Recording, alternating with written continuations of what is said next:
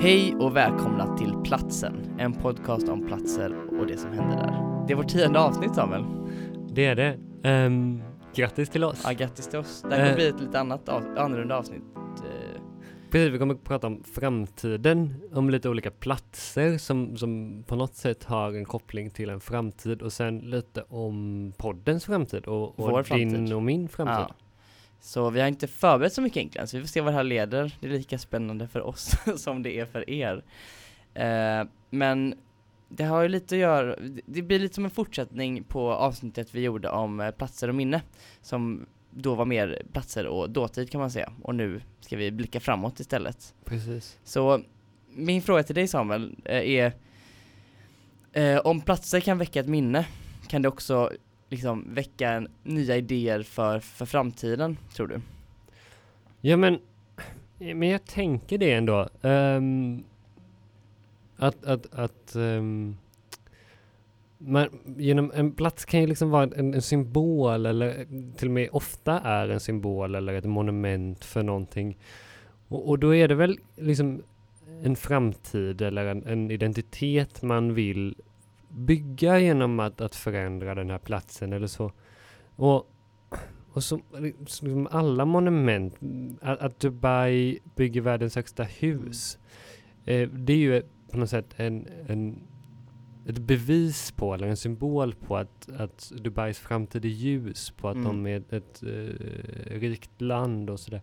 Och ett, ett annat superintressant exempel på det är Skopje som är Makedoniens huvudstad. Där Makedonien är ett ungt land. Det föddes ur, eh, ur forna Jugoslaviens eh, kollaps och um, har en ganska stor albansk befolkning. Um, och, och de är, som jag fattat det, i jakt på, liksom på sökande efter en nationell identitet. Och en historia. För grejen är att eh, Makedonien och Grekland ligger i fejd om huruvida det makedonska imperiet ehm, Alexander den store, f- liksom en, en stor makt. Mm. eh, När var detta lång- ungefär? när var detta? Innan Kristi födelse i alla fall, innan Ja. vår tideräkning. Ehm, ehm, I alla fall. Och för att bygga en historia då, för att liksom övertyga åtminstone sin egen befolkning om att deras version, att Alexander den store är makedon och inte grek, eh, så har man byggt en gigantisk staty i verkligen sån neoklassisk stil på ett centralt torg i Skopje. Om ni kollar på bilden förut, den är märklig för att det är som en ganska modern pelare den står på, på.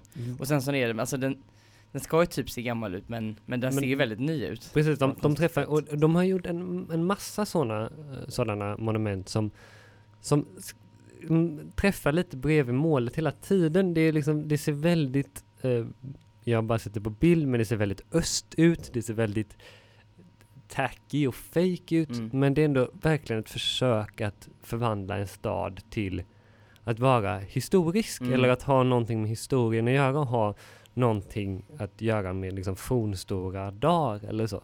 Men jag, jag tycker ändå att du är lite tillbakablickande nu Samuel ändå, det, men det är svårt å andra sidan, för framtiden och dåtiden hänger ju ihop väldigt mycket och jag antar att det du tänker är att med, om man skapar sig en grandios dåtid så, Så, så kan man blir också skapa. framtiden också grandios. Exakt. Men jag, det jag tänker, associerar här framtiden och platser mer med kanske, i, det kanske är en lite mindre skala, att typ hur, var man befinner sig påverkar liksom hur man tänker och typ hur nya idéer eh, påverkas av vart de skapar. Men säg till exempel en så här klassiskt exempel på så här, ja men Silicon Valley, att så här, människor som så här, hamnar på en plats liksom och så här, skapar någon sorts innovativa idéer och det blir som ett så här mecka för, för innovativa idéer.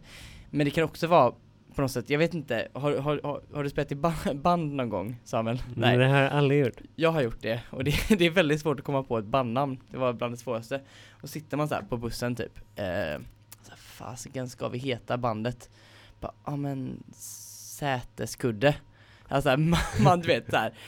Det känns som att ens, eh, vad heter det, ens eh, Man plockar ju sin omgivning. Ja men liksom. ens eh, fantasi liksom kan inte liksom, så här, påverkas av vad man är runt liksom. Man kan Mm. inte tänka längre än det man, man ser runt. runt omkring sig. Så, så, så tänker jag lite på det. Jag vet inte om jag har någon så här mer konkret spaning liksom, men jag tror ändå så här, Men, de idéer man har påverkas av var man är liksom, eller de precis, och de idéerna eh, bygger på något sätt en framtid. Ja. Eller så, genom sina identiteter, eh, idéer så konstruerar man eh, sin framtid. Eller sin, sin, eh, även en sån liten grej som vad bandet ska heta, men det är ändå ett beslut som, Ja. kommer att, att, som man kommer behöva leva med sen.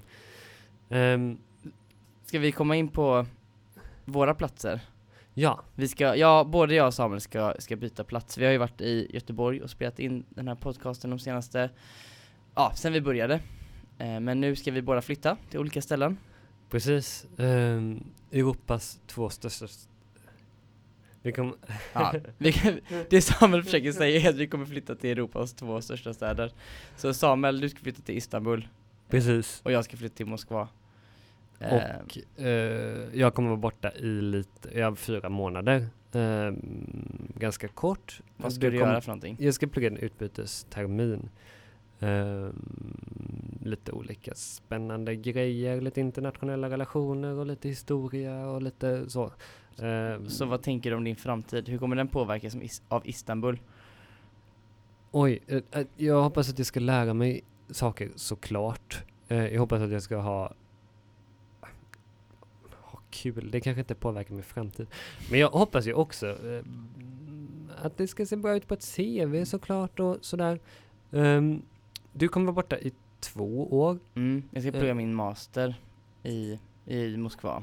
Hur kom, vad, vad, och, och det är en master inom arkitektur, eller hur? Ja, stadsplanering. Eh, Advanced Urban Design heter programmet. Så att det handlar om stadsutveckling i utvecklingsländer.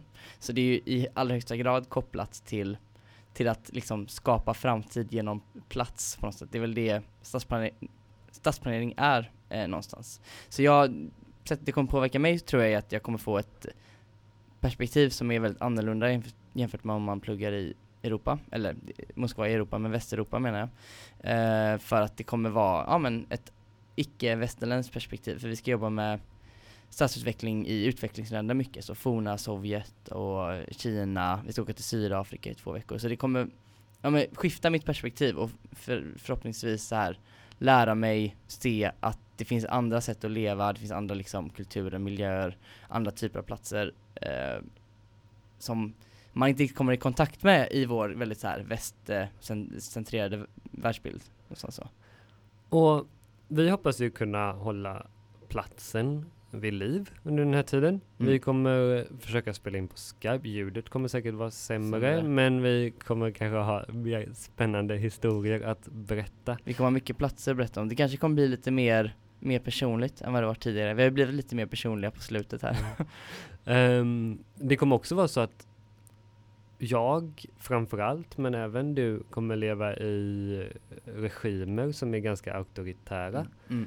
Och eh, jag har fått ganska tydliga råd om att inte uttala mig förstärkt politiskt. Ehm, så om det är någonting som händer eh, och eh, så, så, så, kan det vara så att jag inte kommer prata Mm. om det. Vi får se men helt men enkelt. det, det är också på något sätt, jag ser det som en ganska spännande grej att få se en, en auktoritär stat en stat som är på väg mot att bli ännu mer Mm. auktoritär från insidan. Och jag tänker också, alltså formatet som vi har när vi ändå, vår ambition är ju ändå att försöka berätta den här lilla specifika historien och sen spegla någonting, någonting större i det. Och det är ett format som, som funkar ganska bra om man ska, vill, ja men, kritisera någonting som är svårt att kritisera.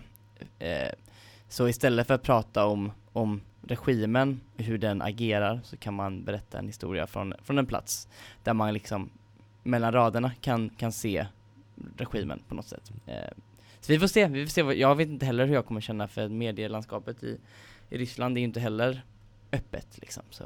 Mm. Men det kommer bli kul. Ja, det kommer det. Så vi får se när vi är tillbaka, men vi kommer till, tillbaka. Eh, det känns ju ändå bra att runda av på, på det här tionde avsnittet så här symmetriskt och bra. Precis. Har du något mer du vill säga Samuel? Nej, inte mer än att jag tycker det ska bli kul att spela in vårt första avsnitt efter att vi båda har landat på våra håll. Eh, Mm. Det ska bli skoj.